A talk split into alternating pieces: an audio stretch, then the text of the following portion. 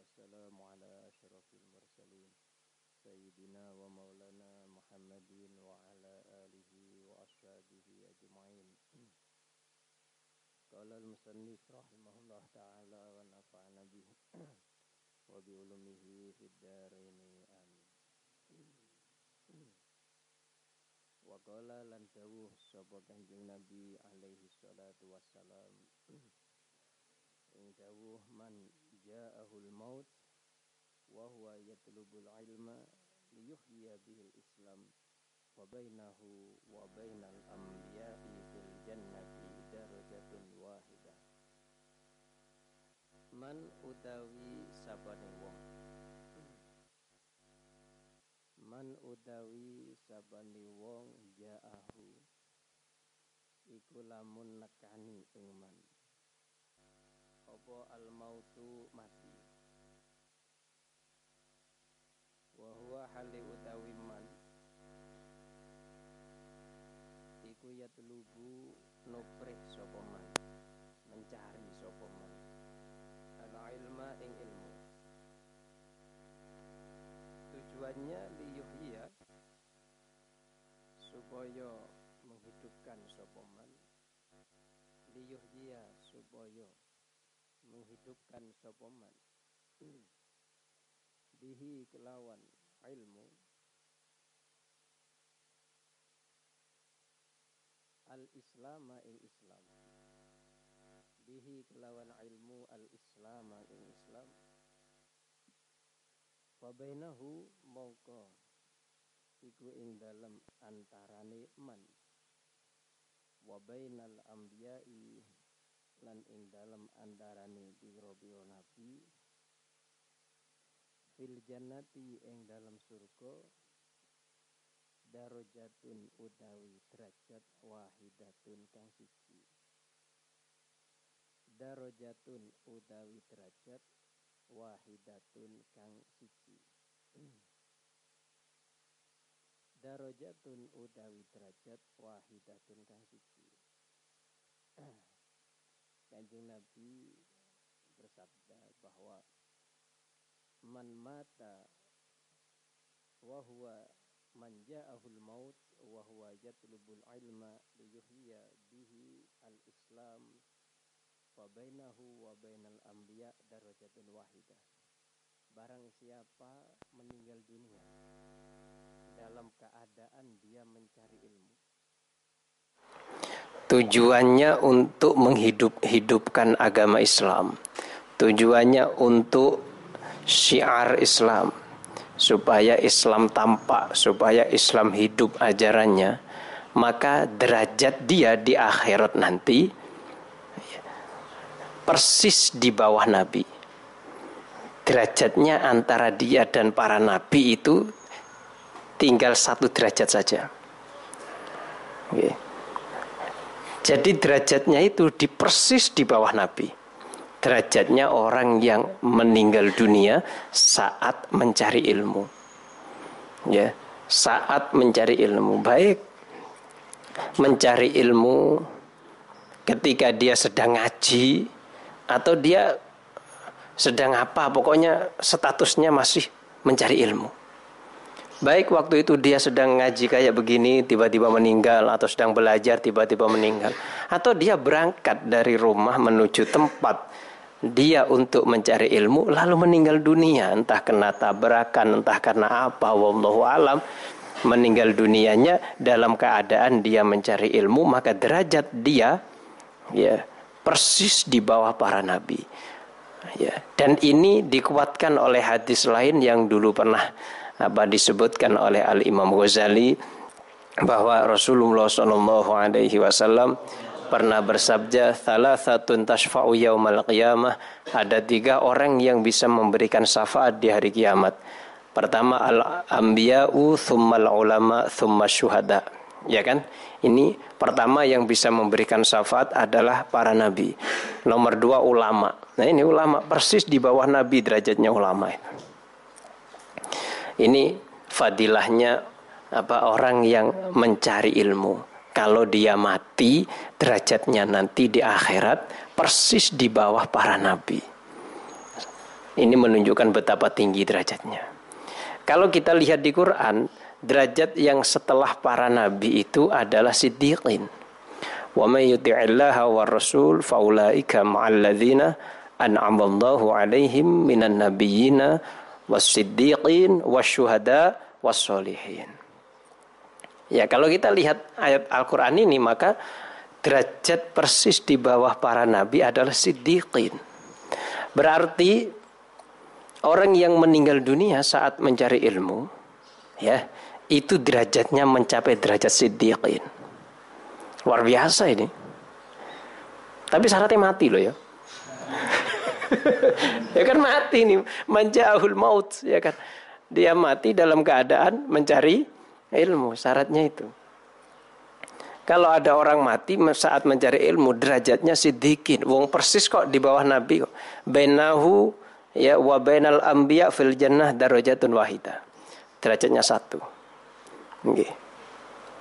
Di surga nanti kaca derajatnya cuma satu. Ya, walaupun cuma satu derajat ini antara ini sudah jauh sekali. Tapi sudah lumayan derajatnya persis di bawah para nabi masuk kategori siddiqin. Setelah siddiqin syuhada, baru setelah syuhada adalah solihin. Itu. Jadi tingkatan paling tinggi setelah Nabi adalah derajat siddiqin dan itu bisa diperoleh oleh orang yang mengaji dan dia mati saat ngaji itu ini keistimewaannya orang yang mengaji keistimewaannya orang yang belajar lalu kok dia meninggal saat dia belajar masuk kategori siddiqin kalau kita lihat tafsir ya ulama nafsiri siddiqin ini Siapa itu siddiqin? Ulama kan nafsiri ini dawuhnya Allah Ta'ala. Faulaika ma'alladzina an'amallahu alaihim minan nabiyyin was siddiqin. Ini kalau ambia tidak perlu kita bahas ya ini manusia tidak akan bisa mencapai derajat ambia. Gak bisa. Karena derajat ambia ini wahbi. Pemberian Allah. Bukan kasbi. Tidak bisa kita hasilkan. Tidak bisa kita usahakan. Tidak bisa sampai mengusahakan supaya jadi nabi kau no yo pilihan kau no pilihan jadi nabi yo kau no. Usaha sekuat apa pun manusia tidak akan bisa mencapai derajat nubuah. Paling banter mereka mencapai derajat siddiqiyah. Nubuah nggak bisa. Nubuah ini fadlun minallah. Wahbi pemberian Allah Ta'ala tidak bisa dihasilkan. Ya, maka apa sidikin ini? Sidikin derajat paling tinggi setelah derajat kenabian.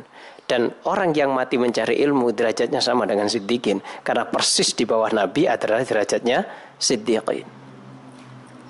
Siapa sidikin? Ulama beda pendapat nafsi di sidikin itu. Ya. Ada yang mengatakan sidikin itu adalah orang yang percaya terhadap seluruh apa yang dibawa oleh ajaran Islam tanpa ada keraguan sama sekali Gak ada sedikit pun ragu terhadap ajaran Islam. Sedikit saja gak ada. Dan ini dipraktekkan benar sekali oleh yang namanya Sayyiduna Abu Bakar As-Siddiq radhiyallahu anhu. Abu Bakar ini, uh, sudah ini kalau kalau ini yang dawuh kajeng Nabi, kalau ini dari Allah Ta'ala, kalau ini dari Rasulullah, sudah beliau tidak pernah ragu sama sekali. Ini percaya dengan sepenuh hati tanpa ada keraguan sedikit pun. Kalau kita kan tidak. Kebanyakan orang kan tidak. Jangankan kita. Sayyiduna Abu siapa namanya Umar Ibnul Khattab radhiyallahu anhu ketika terjadi suluh Hudaybiyah ya kan perjanjian itu yang ditandatangani oleh Kanjeng Nabi ya poin-poinnya secara dohir merugikan umat Islam semuanya merasa istilahnya itu kebanyakan sahabat merasa keberatan dengan isi perjanjian itu. Poin-poin perjanjian itu, Bu. Kalau sampai teliti, wah ini benar-benar merugikan umat Islam. Termasuk Sayyidina Umar. Sampai Sayyidina Umar mengatakan begini pada Abu Bakar, bukankah dia Rasul? Kan kita sampai ngomong gitu. Ya Abu Bakar saja yang punya keyakinan mantap. Ya. bahwa apa yang dilakukan oleh kanjeng Nabi benar-benar dari Allah Taala. Wa ma yantiqu anil hawa in huwa illa wahyu yuha. Ini derajat siddiqah itu kayak gini. Jadi benar-benar yakin semantap-mantapnya tanpa ada keraguan sedikit pun tentang segala hal yang itu berasal dari agama Islam. Tanpa ragu sedikit saja nggak ada keraguan. Dan ini sulit mencapai derajat semacam ini sulit sekali. Itulah siddiqiyah. Ada yang mengatakan siddiqiyah itu adalah orang yang lebih dahulu percaya masuk Islam dan keislamannya menjadi panutan orang lain. Sehingga dia masuk Islam dahulu masuk Islam yang lain ikut-ikutan masuk Islam. Ada yang mengatakan begitu. Ini siddiqiyah. Jadi kalau ada orang misalnya dia Islam lalu keislamannya ini bisa mempengaruhi yang lain. Kesolehannya bisa mempengaruhi yang lain. Keilmuannya bisa mempengaruhi yang lain. Kalau ini yang dimaksud maka yang pertama kali menjadi orang punya derajat siddiqin ya tetap Abu Bakar Siddiq gitu. Ala kulihal beliau nih. Kita tafsiri dengan yang pertama tadi atau kita tafsiri dengan yang kedua yang namanya siddiqin ketuanya Abu Bakar.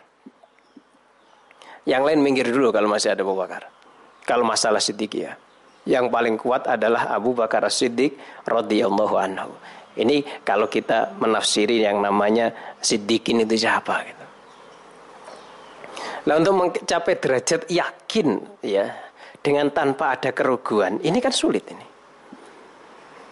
Sulit, sulit benar. Sulit sekali. Jadi dia harus benar-benar tahu Allah Ta'ala gitu. Yakin saya yakin yakinnya, enggak ragu sama sekali. Jadi la haula wala quwata illa billahnya itu benar-benar menancap dalam hatinya. Benar-benar mantap dalam hatinya. La haula wala quwata illa billah. Enggak ada keraguan sama sekali. Sama sekali enggak ada. Enggak takut kecuali Allah. Kayak gitu. Itu siddiqiyah tenanan. Nah, kalau syuhada siapa syuhada? Ini syuhada ini kita kan ingin menerangkan ya bahwa derajatnya orang yang mati mencari ilmu ini sangat tinggi sekali. Di bawah Nabi lah, di bawah Nabi ini sidikin gitu. Di bawah sidikin ada syuhada. Siapa syuhada ini?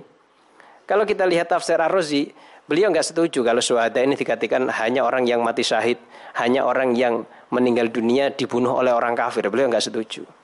Dengan berbagai macam alasan, termasuk salah satu alasannya bahwa dibunuh oleh orang kafir ini tidak menambah kemuliaan apa pun ya. Dibunuh oleh orang kafir ya kecuali karena dia jihad visabilillah gitu saja. Ya bahkan apa namanya dibunuh oleh orang kafir dalam peperangan ini bisa juga dialami oleh orang yang tukang maksiat, orang yang fasik. Ikut perang, kebunuh ya dia syahid dikatakan begitu. Sedangkan yang dimaksud syuhada dalam ayat tadi itu yang dimaksud bukan ini, Maksudnya adalah derajat yang tinggi di sisi Allah Ta'ala. Di bawah sidikin punya derajat namanya syahadah. Darajatu syahadah. Nah siapa ini?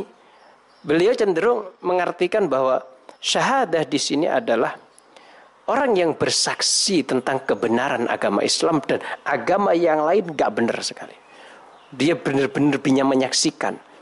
Dia menyaksikan, ingat menyaksikan bersaksi dia tahu ngerti berdasarkan apa banyak dasarnya termasuk berdasarkan hujah wal bayan dengan adanya dalil dia tahu Islam itu benar yang lain nggak benar semua atau kadang bisa fasinan dia menyaksikan kebenaran agama Islam bahkan karena dia tahu bahwa agama itu Islam benar maka dia bela dengan sekuat tenaga bahkan rela mengorbankan jiwanya mati demi agama Islam. Nah ini ini namanya syuhada ini. Maka beliau cenderung mengatakan asyuhada itu al-qaimuna bil Seperti firman Allah Syahidallahu annahu la ilaha illa huwa wal malaikatu wa ulul ilmi qaiman bil qisd. Kayak begitu. Beliau cenderung mengartikan syuhada ini nih. Jadi syuhada itu alladzi yaqumuna bil qisti. Alladzina yaqumuna bil qisti. Orang yang menyaksikan kebenaran, bersikap adil, benar-benar ngerti bahwa agama Allah itu benar, agama Islam itu benar, yang lain nggak benar. Dia ngerti dengan sengerti-ngertinya berdasarkan dalil sehingga dia tanpa ragu sama sekali. Tapi ini derajatnya masih di bawah ini, masih di bawah sidikin. Kalau sidikin percaya, benar-benar percaya. Tapi kenapa orang yang mati, ya, dalam medan peperangan melawan orang kafir terus disebut syahid kalau artinya syahid semacam itu tadi Alasannya karena dia sudah menyerahkan jiwanya demi membela agama Islam. Berarti dia sudah meyakini dan dia bersaksi bahwa agama Islam itu benar-benar agama yang dari Allah Ta'ala. Sehingga dia berani menumpahkan jiwanya demi untuk agama Islam. Maka dia disebut syahid. Dari situ alasannya. Ini syahid ya. Lah solihin siapa? Solih itu yang penting, ya ini yang penting tapi kayaknya remeh tapi angel ini. Solih itu yang penting iktikatnya benar, keyakinannya benar, amalnya juga benar. Itu solih wes lah. Keyakinannya dengan Allah benar, amalnya benar, maka dia solih. Ingat loh, amal benar itu sulit. Keyakinan benar, akidahnya benar, imannya benar, terus amalnya benar. Amal ini ada macam-macam ada amal kepada Allah, ada amal kepada lingkungan. Nah ini harus benar semua nih. Hablum min Allah, hablum minan nas. Harus benar semua. Harus berdasarkan Quran hadis semua. Hablum min Allahnya benar, hablum minan nasnya benar. Hubungan dengan Allah bagus, hubungan dengan lingkungan, dengan tetangga, dengan anak, dengan istri, dengan santri, dengan saudara, dengan masyarakat sekitar baik semuanya. Maka itu disebut orang solih. Ya, maka orang soli ini belum tentu syuhada. Orang soli belum tentu syahid, syahid belum tentu siddiq. Tapi kalau siddiq mesti syahid, syahid mesti soli. Mesti itu. Ya. Jadi ini ini ini letak letak apa namanya tafawud ya keterpautan derajat antara ambia as-siddiqin wasyuhada as-salihin. Jadi orang soleh apa orang soleh? Orang soleh itu yang penting dia punya keyakinan yang benar. Terus dia punya amal yang benar. Itu orang soleh. Yang penting keyakinannya benar. Benar yakin dia walaupun dia tidak musyahadah. Gitu. Karena musyahadah ini harus tahu dalil. Lah tidak semua orang soleh itu tahu dalil. Padha ahli ibadah getu ya. Tapi ditakoni ndi dalile? Mboten ngertos. Tahu kalau Allah itu ada, tahu mana dalilnya? Enggak tahu. Lah, ini namanya mboten musyahadah ini. Kau tahu kalau Allah itu Tuhan yang benar-benar Tuhan semesta alam? Iya. Kata siapa? Kata guru saya. Mana dalilnya? Enggak tahu. Wah, ini. Tapi secara kehidupan dia hubungannya dengan Allah baik. Hubungan dengan lingkungan baik. Hubungan dengan negara baik. Ya. Hubungan sosial baik. Gak pernah nyakiti siapa pun. Ini namanya orang solih. Ketika orang solih dan dia mempunyai pangkat syahadah. Orang solih kadang punya pangkat syahadah. Dia tahu agama Islam itu benar. Kok tahu agama itu Islam itu benar? Dia menyaksikan agama itu benar. Dengan sebab apa dia bersaksi agama Islam itu benar?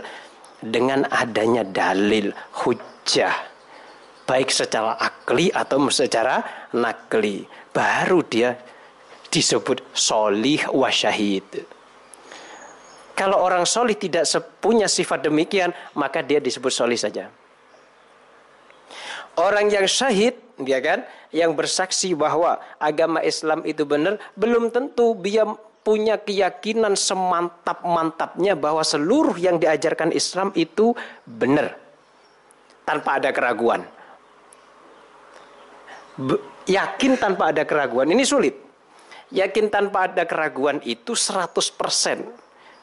Gak ada celah untuk ragu masuk di dalamnya.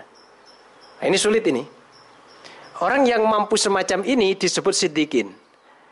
Kalau suhada mampu meyakini bahwa apa yang diajarkan oleh Islam, apa yang dibawa oleh Rasulullah dalam Al-Quran ataupun dalam hadis, itu kok benar, maka derajatnya sidikin. Suhada plus sidikin. Tapi kalau tidak mampu itu, maka statusnya cuma suhada saja. Maka bisa kita pastikan bahwa setiap sidikin adalah suhada, setiap setiap suhada adalah solihin. Tidak setiap solihin itu suhada, tidak setiap suhada itu sidikin. Sesuai uraian yang tadi ya, itu. Seperti uraian yang tadi semacam itu. Jadi derajat tertinggi. Derajat tertinggi yang di, bisa digapai oleh manusia di dunia ini adalah derajat siddiqiyah. Siddiqin. Ini derajat persis di bawah Nabi. Dan ternyata orang yang mati mencari ilmu, mati saat mencari ilmu, derajatnya ini persis di bawah Nabi. Maka saya katakan derajatnya adalah derajat siddiqin. Tapi ingat syaratnya mati. Sing repot nih. Makanya artinya kan Saman kan nggak mau mati muda kan ya ini belum kawin semua ini yang depan saya ini kan lah, pastinya kan wah ini kan nggak enak mati muda ini kan pikirannya ya nanti aja lah matinya kan gitu makanya jangan sampai status tolabul ilmi ini lepas gitu. Jadi walaupun sudah nikah, walaupun sudah punya cucu, punya anak, uh, status tolabul ini, tolabul ilmi jangan sampai terlepas dari kita.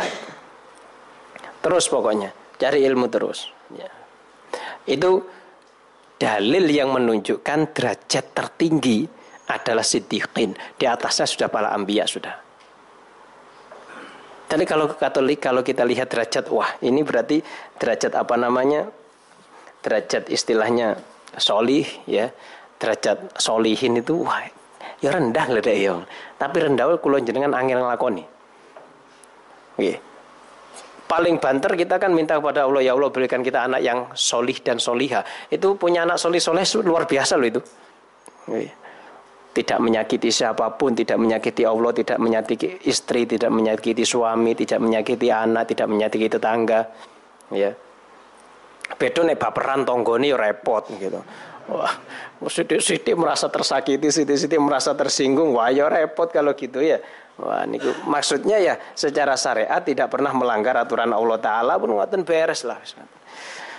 Kalau hmm, itu.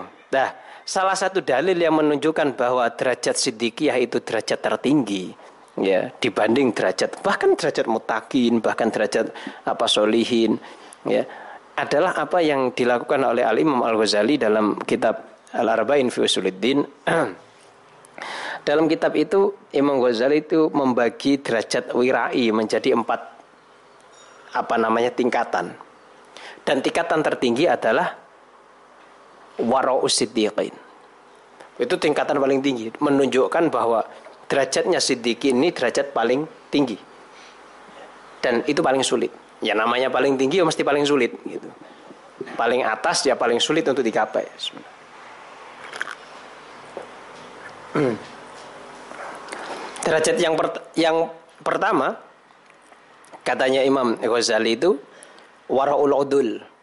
Wirai wirainya orang-orang yang adil. Artinya wirai ini kalau dilakukan maka dia disebut orang yang adil, kalau ditinggalkan maka dia disebut orang fasik. Yang penting dia meninggalkan apa pun yang oleh para ulama dikatakan haram. Segitu beres. Tapi selama masih ada perselisihan, oh enggak ini. Tadi pokok ulama mengatakan haram, nggak ada selisih. Wah ini berarti orang meninggalkan ini berarti adil. Kalau melakukan yang dikatakan ulama ini sebagai perkara yang haram, berarti fasik. Gitu. Ini tingkatan paling rendah, wirai paling rendah. Yang penting menghindari segala hal yang diharamkan oleh fatwanya para ulama. Itu. Ini derajat paling rendah. Derajat yang nomor dua, yang agak tinggi lagi, itu ada istilahnya wara'us solihin.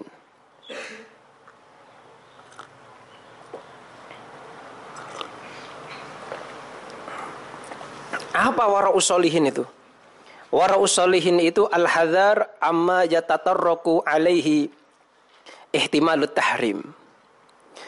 Menghindari hal-hal yang ada kemungkinan kemasukan perkara yang haram.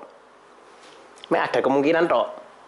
Jadi menghindari segala hal yang ada kemungkinan di situ kemasukan perkara haram.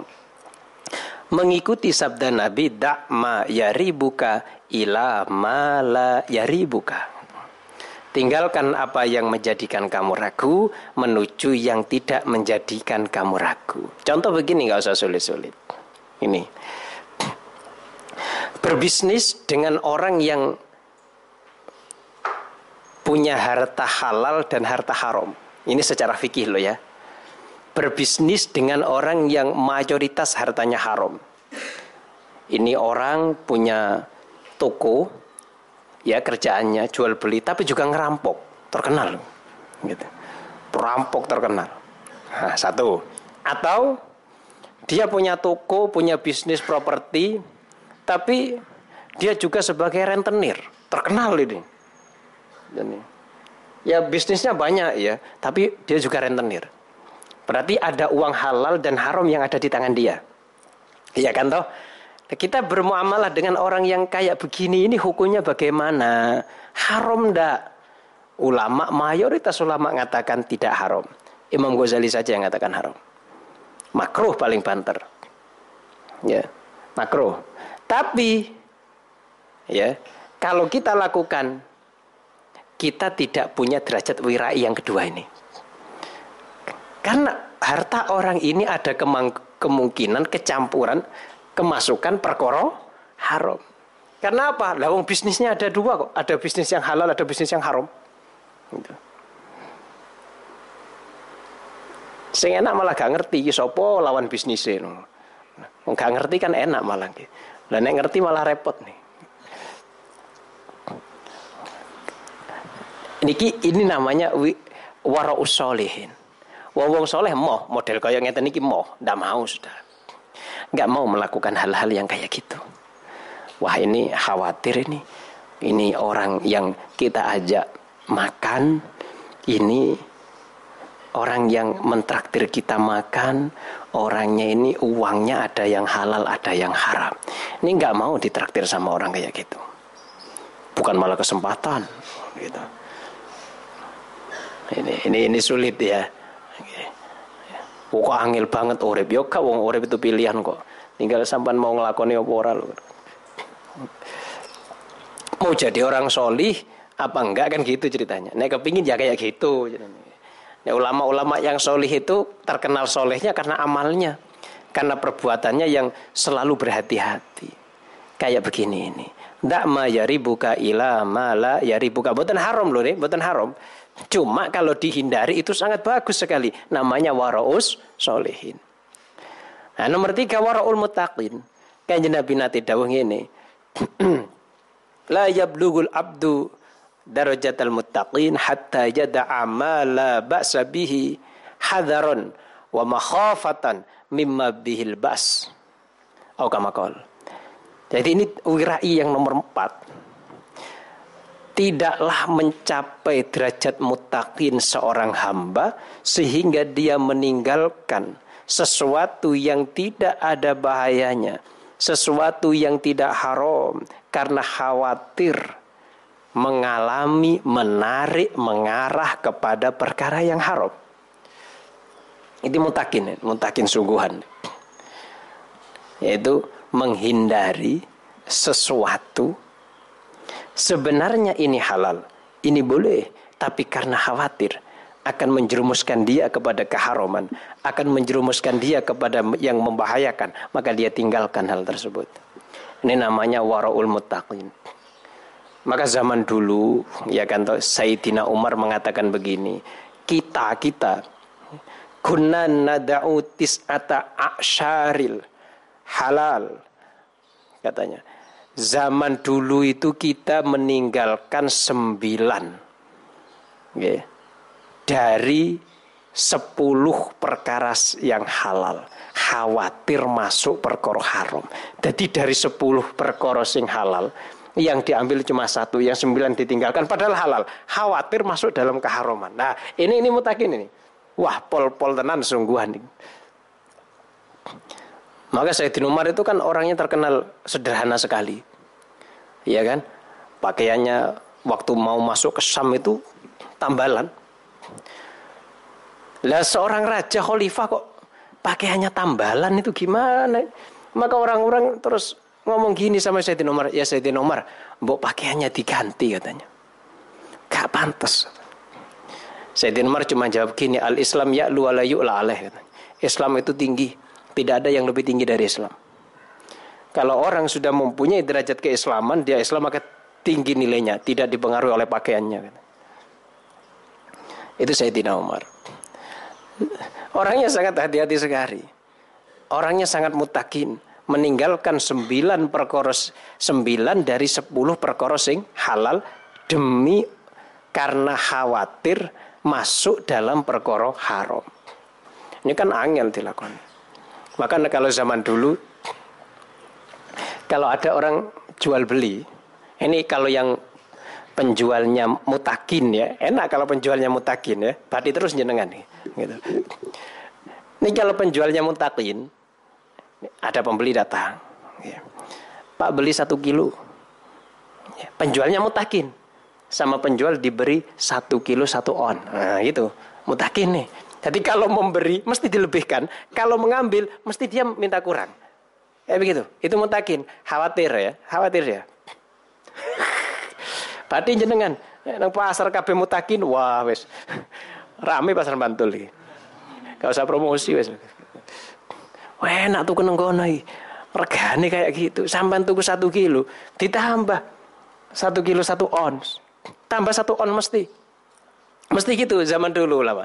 Tapi kalau dia menjadi pembeli, dia membeli satu kilo, maka dia tidak mau mengambil satu kilo penuh, tapi dia ngambil cuma sembilan on, yang satu onnya untuk kamu penjual. Wah nih, sing repot itu nek penjual karo pembeli ini mutakin kabeh.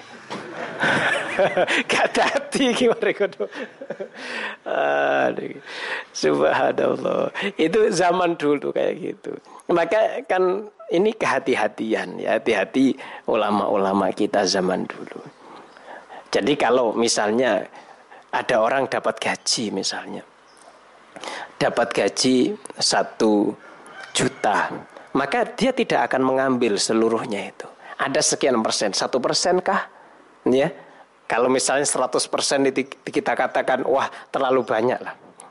Ada beberapa persen yang apa namanya tidak diambil karena ya namanya manusia kerja kadang tidak sesuai dengan yang diharapkan oleh majikan. Ya bang enggak coba kita kita realistis saja. Kadang kita disuruh ngajar misalnya, mulai jam, jam ngajar jam satu ya, ya nanti sampai jam 2 satu jam. Ternyata kita kadang masuknya telat. Itu. Padahal kontraknya satu jam. Ayo coba ini. Wis, secara hati nurani, pantaskah kita mengambil keseluruhan itu? Tanya, eh, istafti kolbak. Tanya ke hatimu sendiri. Layaklah, layakkah kita mengambil keseluruhannya itu? Ini kalau ada kontrak loh ya, kalau ada kontrak. Betul nek roh, nek gak ada kontraknya. Makanya nek bisaro bisaro itu enak modelnya. Nek kontrak mulai awal itu malah ruwet. Karena sampai harus profesional kalau gitu. Kalau enggak ya jangan mengambil itu. Yang sekiranya bukan haknya. Sama disuruh kerja. Kau jadi pak tukang, ya kerja mulai jam berapa? Mulai jam 7 sampai jam 4. Datangnya jam 7 lebih seperempat. Lah yang seperempat ini korupsi waktu ini. Berarti dia nggak punya hak penuh bayaran. Iya kan tuh? Nah ini loh coba. Maka ini kehati-hatian ulama kita zaman dahulu. Kalau mendapat gaji misalnya 100 ribu, dia tidak ngambil seluruhnya, seribu disisihkan. Khawatir ada kayak begitu loh. Kalau kontrak kerja, kalau kontrak kerja. Nah, coba ada kalau semuanya kayak begini coba ya. Semuanya wirai. Masya Allah. Kan ya. Kalau ada demo, gak ada apa gitu. Aman, tentrem. Gitu baldatun thayyibatun warobun kofur aman gitu subhanallah maka kadang kadang begitu. Kita harus berpikir apa namanya istafti kolbak lah gitu. Istafti kolbak saja. Kalau bisaroh ya beda. Kalau bisaroh tidak ada kontrak mulai awal. Suruh ngajar jenengan mulai monggo nggih ngajar teng pondok kula nggih. Tanpa ada kontrak sejak awal. Satu bulan kasih sekian satu jam kasih tidak ada kontrak. Ya tinggal saja jenengan mulai dikasih itu sebagai bisaroh. Wis untung-untungan gelem ngajar. Gak setiap uang gelem ngajar kan gitu. Itu beda kalau tapi hati-hati ini kan gitu kehati-hatian subhanallah itu namanya waroul takin lah ini yang paling tinggi derajatnya waro usiddiqin. Oh, paling tinggi nih. Nah, ini derajat tertinggi sudah. Wirai tertinggi. Apa itu? Meninggalkan segala hal yang diperoleh tidak untuk Allah Ta'ala. Pokok segala hal yang diambil tidak untuk Allah Ta'ala. Segala hal yang diperoleh tidak untuk supaya kuat ibadah kepada Allah Ta'ala. Dia tidak mau ngambil. Gitu. Ya, misalnya nih, eh, minum nih, minum. Kok minum kau? Ya, biar anu, biar kita kuat. Kuat apa? Nek kerja kuat. Nah, kerjanya ini lillahi ta'ala duduk. Karena Allah apa enggak? Jadi kalau orang makan, makan karena Allah. Ya secukupnya. Jadi dia tidak akan mengambil apa pun kecuali yang dia ambil ada tujuan untuk ibadah kepada Allah Ta'ala. Kalau nggak ada tujuan ibadah kepada Allah Ta'ala, dia tidak akan melakukan itu semua. Wangel pol ini. Itu penafsiran pertama. Penafsiran yang kedua mengatakan wara usidikin itu adalah meninggalkan segala hal ya yang salah satu sebabnya ada kemaksiatannya.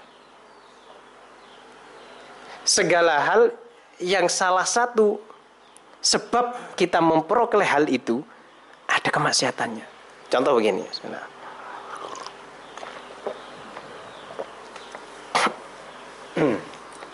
Contohnya, nih, ini kalau menurut fukoha ini nggak haram loh ya, ini nggak haram fukoha. Contoh begini, contoh. Ini ada apa namanya lowongan pekerjaan. Nah, yang daftar semua kompeten. Yang daftar semuanya kompeten. Seribu orang daftar. Wis sudah. Ya kan? Semuanya memenuhi syarat untuk menjadi pegawai yang diterima 10 orang dari seribu itu. Ya, Tapi yang nyeleksi ini wah nggak pakai beres. Ada yang amplopnya besar, langsung dikasih tanda besar amplopnya. Sing amplopi besar ini yang diterima. Nah, ini loh, ini berarti ada unsur apa? Nyo, nyogok, suap. Pekerjaan yang diambil, nge, dengan suap nyogok ini, nyogoi haram, pekerjaannya nggak haram memang. Hasilnya juga nggak haram. Walaupun makro tapi makro tingkat rendah sekali. Makro rendah sekali. Ya karena dia dibayar bukan karena nyogoknya tapi karena kerjanya kan gitu. Sudah nggak ada hubungan antara dia nyogok dengan kerjanya. Cuma dia dapat kerja itu kan dengan cara ada keharomannya. Kalau orang sidikin udah nggak mau kayak gitu. Gak mau. Itu salah satu contoh. Bahkan ada salah satu ulama punya budak. Budaknya ini menghidupkan lampu ya dari rumahnya orang yang dolim. Jadi dia mengambil lampu zaman dulu kan ya ada damar itu ya damar ublik menggunakan minyak tanah itu dia tidak punya korek minta ke tetangganya kan biasa kita zaman dulu waktu belum ada listrik itu minta api ke tetangganya, budaknya ini. Ternyata tetangganya ini orang dolim. Sama sang kiai lampunya langsung dipateni. Karena apa? Gak mau. Dia mengambil terang sinar dari api yang berasal dari rumahnya orang yang dolim. Walaupun belum tentu apinya itu berasal dari harta yang haram. Tapi karena ada sebab yang ada maksiatnya beliau nggak mau. Antik nih. Subhanallah nih. Ini salah satu wirai wirainya orang-orang terdahulu. Zaman dulu itu banyak sultan-sultan yang dolim. Zaman dulu ya banyak sultan yang dolim. Sehingga kadang mereka itu membuat fasilitas-fasilitas termasuk fasilitas yang dibuat adalah sungai, jalan. Lah ulama-ulama yang wirai sekali, yang sampai wara usidikin, mereka tidak mau ngambil air dari sungai yang digali oleh pemimpin-pemimpin yang dolim, nggak mau. Mereka ini sing Yang gali ini pemimpin dolim. Tidak mau melewati jalan-jalan yang itu dibuat oleh pemimpin-pemimpin yang dolim. Subhanallah. Itu zaman dulu. Ini wara usidikin. Bukan sampai haram ini. Tidak keharusan meninggalkan yang semacam ini. Tidak, tidak, tidak. Tapi nah, kalau ditinggalkan luar biasa derajatnya adalah sidikin. Ini semua apa namanya? Eh, kenapa kok saya terangkan panjang lebar? Karena saya ingin menyemangati ini para pencari ilmu. Kalau jenengan mati, mati tapi yo. Nanti derajatnya sidikin gitu ceritanya. Derajatnya sidikin, gak usah sulit-sulit kayak gini nih gitu. Karena derajatnya orang yang mati mencari ilmu itu di bawah Nabi persis antara dia dengan para Nabi itu cuma tinggal satu derajat saja gitu. Tinggal satu derajat saja.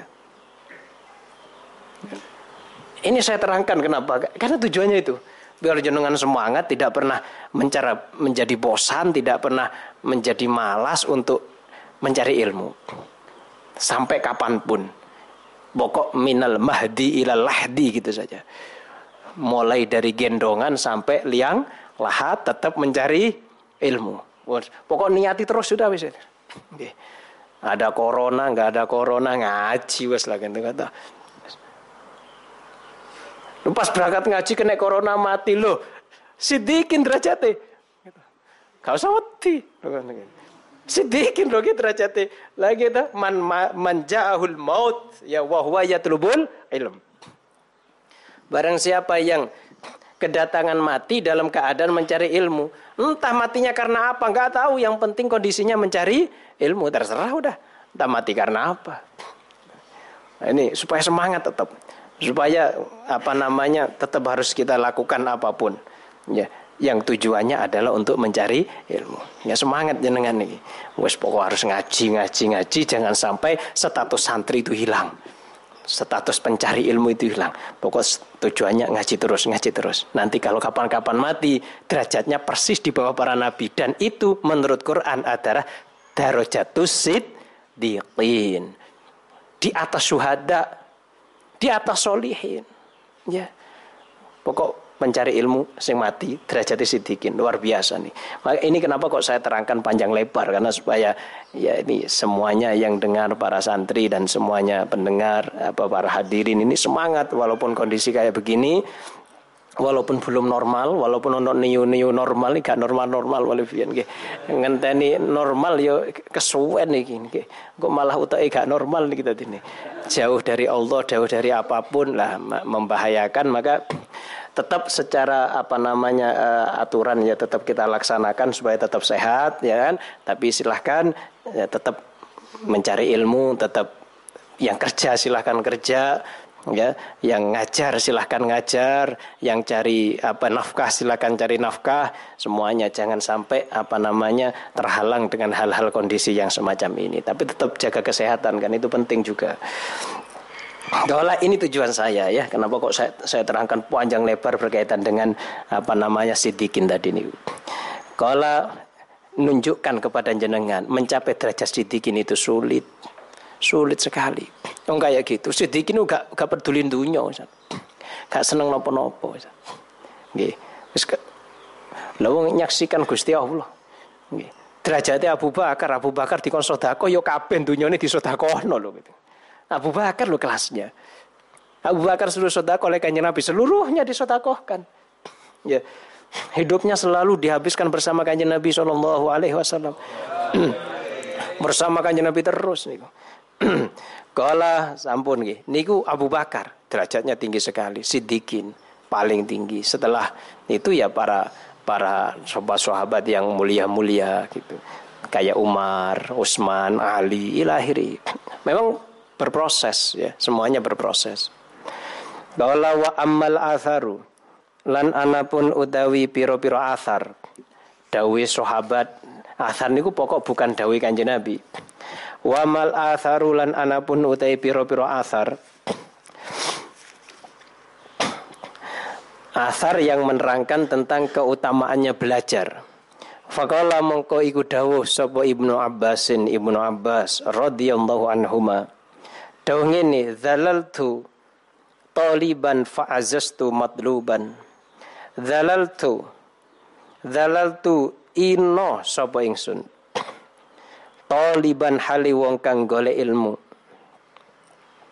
Fa'azastu mongko mulya sapa ingsun. Dadi mulya sapa ingsun matluban hali wong sing digoleki. Matluban hali wong kang digoleki. Nggih. Ini Dawi Ibnu Abbas. Ngajari kulon jenengan bagaimana cara mencari ilmu. Sebagai tolib itu kita harus ino. Menghinakan diri di depan guru. Ya. Artinya memilih untuk hidup sulit demi mencari ilmu. Mencari ilmu gak ada enaknya. Mesti sulit semua. Maka Ibnu Abbas mengatakan begitu. Saya saat mencari ilmu itu hina. Tapi setelah saya berhasil, saya menjadi mulia karena seluruh orang mencari saya. Ini cara mencari ilmu. Menghinakan diri sendiri di depan guru supaya mendapatkan ilmu. Kadang kita nunggu lama, gurunya nggak datang-datang, ya kan? Kadang sudah nunggu, gurunya nggak datang. Nunggu, ya. Ora, nah, ini namanya termasuk idlalun nafsi. Nunggu itu kan memposisikan jenengan itu kan lebih rendah. Karena itu jenengan menunggu orang yang jenengan anggap lebih mulia. Itu pasti begitu posisinya orang yang nunggu itu memposisikan diri sebagai orang yang butuh, orang yang rendah. Maka Ibnu Abbas juga begitu dulu. Ibnu Abbas ini beliau cerita sendiri. Saya kadang mencari ilmu, mencari hadis kepada sahabat Nabi. Saya datang kepadanya. Saya tidak mau mengetuk pintunya. Saya tunggu saja di depan pintu. Saya tidur tiduran di situ sampai tubuh saya, ya, berhamburan debu, banyak debu. Lalu orangnya keluar. Kaget kan orangnya keluar. Lu apa yang membawamu ke sini wahai apa namanya anak paman Rasulullah? Oh saya mendengar hadis yang katanya kau dengar hadis itu dari Rasulullah. Lu kenapa kok engkau tidak menyuruh orang saja ke sini supaya saya bisa datang kepadamu? Ndak, saya yang lebih berhak datang kepadamu kata Ibnu Abbas. Karena saya mencari ilmu. Yang mencari ya datang. Subhanallah, luar biasa, luar biasa. Gitu. Ya. Kalau hmm, ini kalau di ngerukem ini yang kayak begitu Pak Dengasim. Pak Dengasim itu luar biasa. Kalau tanya apa saja ke saya itu datang ke sini, berjalan datang ke sini. Saya sudah matur Pak mbok jenengan telepon nopo-nopo yang kalau itu kalau Pak D kadang sering kan ke sini dulu itu ya. Itu tanya itu, tanya apa, tanya ini. Luar biasa. Itulah apa namanya guru-guru kita ngajari kita dalam mencari ilmu posisikan dirimu sebagai orang yang rendah. Kayak begitu nelpon padahal sudah nom, tahu nomor telepon saya dan nggak mau beliau nelpon datang. Subhanallah luar biasa. Padahal sepuh ya. Kayak gitu masya Allah. Ya Allah lebih dua kali lipat umurnya dari saya kan gitu. Kalau mm -mm. umur berapa Pak itu sekarang? Hah, 60-an ya lebih ya. 65-an ya wis itu segituan. Luar biasa Gala, mm, ya segitu sudah. Saya sekarang 37. Berarti, nah itu. Kalau 65, ya hampir kan ya. Hampir dua kali lipatnya, subhanallah. Gala itu Ibnu Abbas. Jadi hinakan. Menghinakan diri, ya bukan berarti sampai merendahkan diri ndak memang memposisikan diri sebagai pencari ilmu itu ya ya nunggu le Kadang kita datang ke rumah dosen nggak nggak dibuka-buka, ya tunggu di sini. Namanya kita butuh. Kau mau gedor-gedor ya nggak mau dosennya nanti. Ini kurang ajar namanya. Ya harus sabar gitu kan. Itu Abbas. Hina saat mencari ilmu biasa. Dan memang harus begitu. Karena ilmu ini musuhnya orang yang sombong. Orang sombong tidak akan mendapatkan ilmu. Itu pasti itu. Ya, maka nunggu gitu. Itu silahkan kayak begitu. Seperti yang dilakukan oleh Ibnu Abbas. Maka yang terjadi adalah Ibnu Abbas jadi orang mulia. diceritakan oleh sebagian apa nama muridnya Ibnu Abbas namanya Abu Sholih. Ketika Ibnu Abbas sudah menjadi ulama besar, padahal sebelum itu Ibnu Abbas itu sudah menjadi dewan apa namanya pertimbangan presiden. Kayak begitu. Kan ada ya. Itu Ibnu Abbas ini masuk dalam apa kalangan elit yang menjadi orang-orang yang dimintai pendapatnya oleh Umar bin Khattab. Yang lain sepuh-sepuh masai, cuma Ibnu Abbas yang masih muda sekali. Gitu. Masih muda, mungkin masih umur 16 tahun. Ya. Ibnu Abbas saat kanjeng Nabi meninggal itu belum balik. Maka ketika Umar menjadi khalifah kira-kira beliau menjadi umur berapa? 16 tahunan. Sudah menjadi masuk kalangan elit yang dipertimbangkan pendapatnya. Dan Abu Soleh pernah mengatakan begini. Rumah Ibnu Abbas itu jalan yang menuju rumahnya penuh sesak dengan orang. Ngantri ngaji. Sesek-sesekan orang-orang itu kepingin nyeduk. Nah, ini alim tenanan.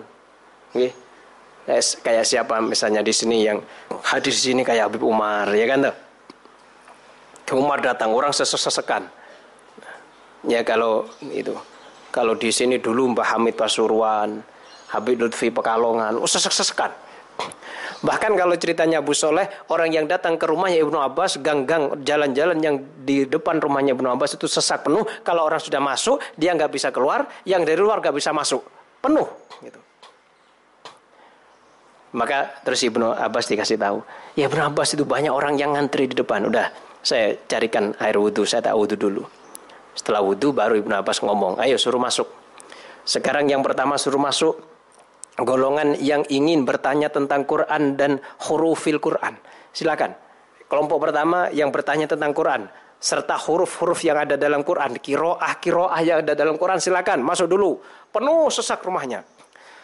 Dan Ibnu Abbas menjawab pertanyaan seluruh pertanyaan dijawab tidak ada yang nggak dijawab bahkan jawabannya lebih dari pertanyaannya setelah puas mereka keluar ayo masuk lagi siapa yang ingin tahu tafsir Quran dan penakwilan Quran silakan masuk Bapaknya semua penafsiran Quran dijawab nggak ada yang nggak dijawab setelah selesai ayo sekarang siapa yang ingin tahu masalah halal dan haram masalah fikih silakan masuk tanya semua kepada Ibnu Abbas penuh rumahnya ya kan Penuh, mesti penuh rumahnya. Keluar selesai. Ayo sekarang yang ingin tahu tentang syair, syair, lugot, lugot, silahkan masuk. Waduh Ibnu Abbas.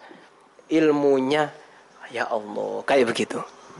Mulia orang sesek-sesekan mendatangi Ibnu Abbas. Ini loh, ini yang dimaksud dalal tu taliban fa'azaz tu madluban. Ya, Dulu saya itu saat mencari ilmu hina, setelah itu saya menjadi orang mulia, ya kan? Karena orang-orang mencari saya. Nek jenengan jadi orang alim, ya kan toh? Jenengan akan dicari. Gak usah mencari. Jodoh lah gak usah mencari. Teko dewi loh. Nek alim tapi syaratnya. Nek gak alim ya kudu golek loh. gitu. Maka nek jenengan wis ilmune banyak wis gak usah kate santai wae lah wis gak usah nyari-nyari kok teko dhewe fa'azas tu matluban gak usah tolib wis jenengan matlub nek pancene alim makanya saya sering menyemangati para santri ini ya udah fokus saja ngaji saja ngaji saja. Gak usah pikir apa kata nanti. Ngapa nanti mau apa? Saya mau kawin sama siapa? Gak usah dipikir udah gitu. Kalau mm, yang penting sekarang apa namanya ngaji ngaji ngaji dan ngaji. Wa kadzalika lan halika ya mengkunu qala dawu sapa ibnu abi mulaikah rahimallahu taala. Dongene maro itu ora ningali sapa ingsun misla bin Abbasin ing sepadane Ibnu Abbas. Aku gak ero aku wong sing kaya Ibnu Abbas nih. Ida tuhu ing dalem nalikane ningali sapa ingsun ing Ibnu Abbas. Raaitu mongko ningali sapa ingsun ahsanan nasi ing luwih baguse menungso wajhan apane wajahe. Wa idza takallama lan ing dalam nalikane berbicara sapa Ibnu Abbas fa arabun nas ay fahuwa ngoten kene Kala mongko utai Ibnu Abbas iku a'rabun nas utawa ditakdirno idza ra'aituhu idza fa a'rabun nas ngono ya kena. Utawa ngeten ya kena. Fa a'rabun nas mongko utai Ibnu Abbas iku luweh jelas menungso lisanan apane lisani luwih fasih. Wa idza aftalan ing dalam nalikane memberi fatwa sapa Ibnu Abbas fa aktsarun nas ay fa huwa aktsarun nas mongko te Ibnu Abbas iku luwih akeh-akeh menungso ilman apane ilmune. Ibnu Abbas itu katanya beliau, saya tidak pernah melihat orang yang seperti Ibnu Abbas. Wajahnya paling ganteng. Ibnu Abbas nih ganteng nih. Seperti bapaknya, Abbas nih ganteng. Abbas punya saudara namanya Fadl. Fadl yang ganteng. Bapaknya ganteng, anaknya ganteng-ganteng. Gitu. Ulama semuanya, luar biasa. Kalau Ida ra'aitu ra'aituhu ra'aitu asanan nasi wajhan. Ibnu Abbas ganteng, Fadl juga ganteng, ngikuti bapak, bapak ini ganteng. Nek berbicara fasih. Ya, ini yang paling sulit, berbicara dengan ucapan yang fasih. Ketika memberikan fatwa, dia orang yang paling banyak ilmunya. Ibnu Abbas ini orang yang ketika ditanya tidak pernah tidak menjawab. Antik kan? Tidak pernah beliau itu mengatakan nggak tahu mesti jawab. Ya memang ngerti. Ya memang tahu. Bukan gengsi kalau nggak tahu. Bukan gitu. Wah kalau saya nggak jawab gengsi enggak. Memang beliau tahu. Maka setiap ditanya mesti jawab. Beda dengan Ibnu Umar. Ibnu Umar ini orangnya hati-hati. Tidak setiap pertanyaan dijawab. Ini kok. Nah Ibnu Abbas pertanyaan apa yang dijawab. Lalu ngerti. Apa Ibnu Umar tidak ngerti? Ngerti. Cuma beliau hati-hati. Kata niku. Gola, mm, ya itu sikap para sahabat ya kadang beda-beda. Kadang ulama juga gitu. Ada yang kadang nggak mau ketika ditanya. Kayak Mbah Hamid Pasuruan, kalau ditanya beliau nggak mau. Mesti dilempar pertanyaannya ke ulama lain. Itu salah satu sikap ulama kita. Kadang ulama ditanya apa pun dijawab. Pokoknya tahu loh. Kalau nggak tahu mesti mereka akan mengatakan wallahu a'lam. Nggih. Qala wa idza afta nasi ilman. Bon, nggih, wallahu alam. Nggih, mugi-mugi manfaat nggih.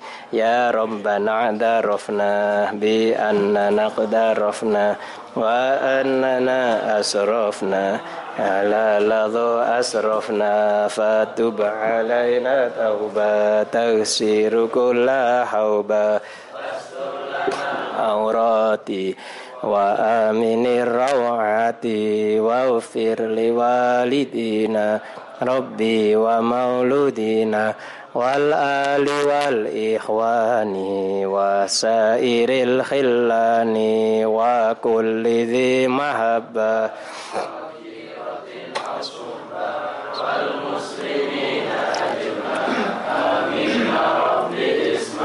فضلا وجودا منا.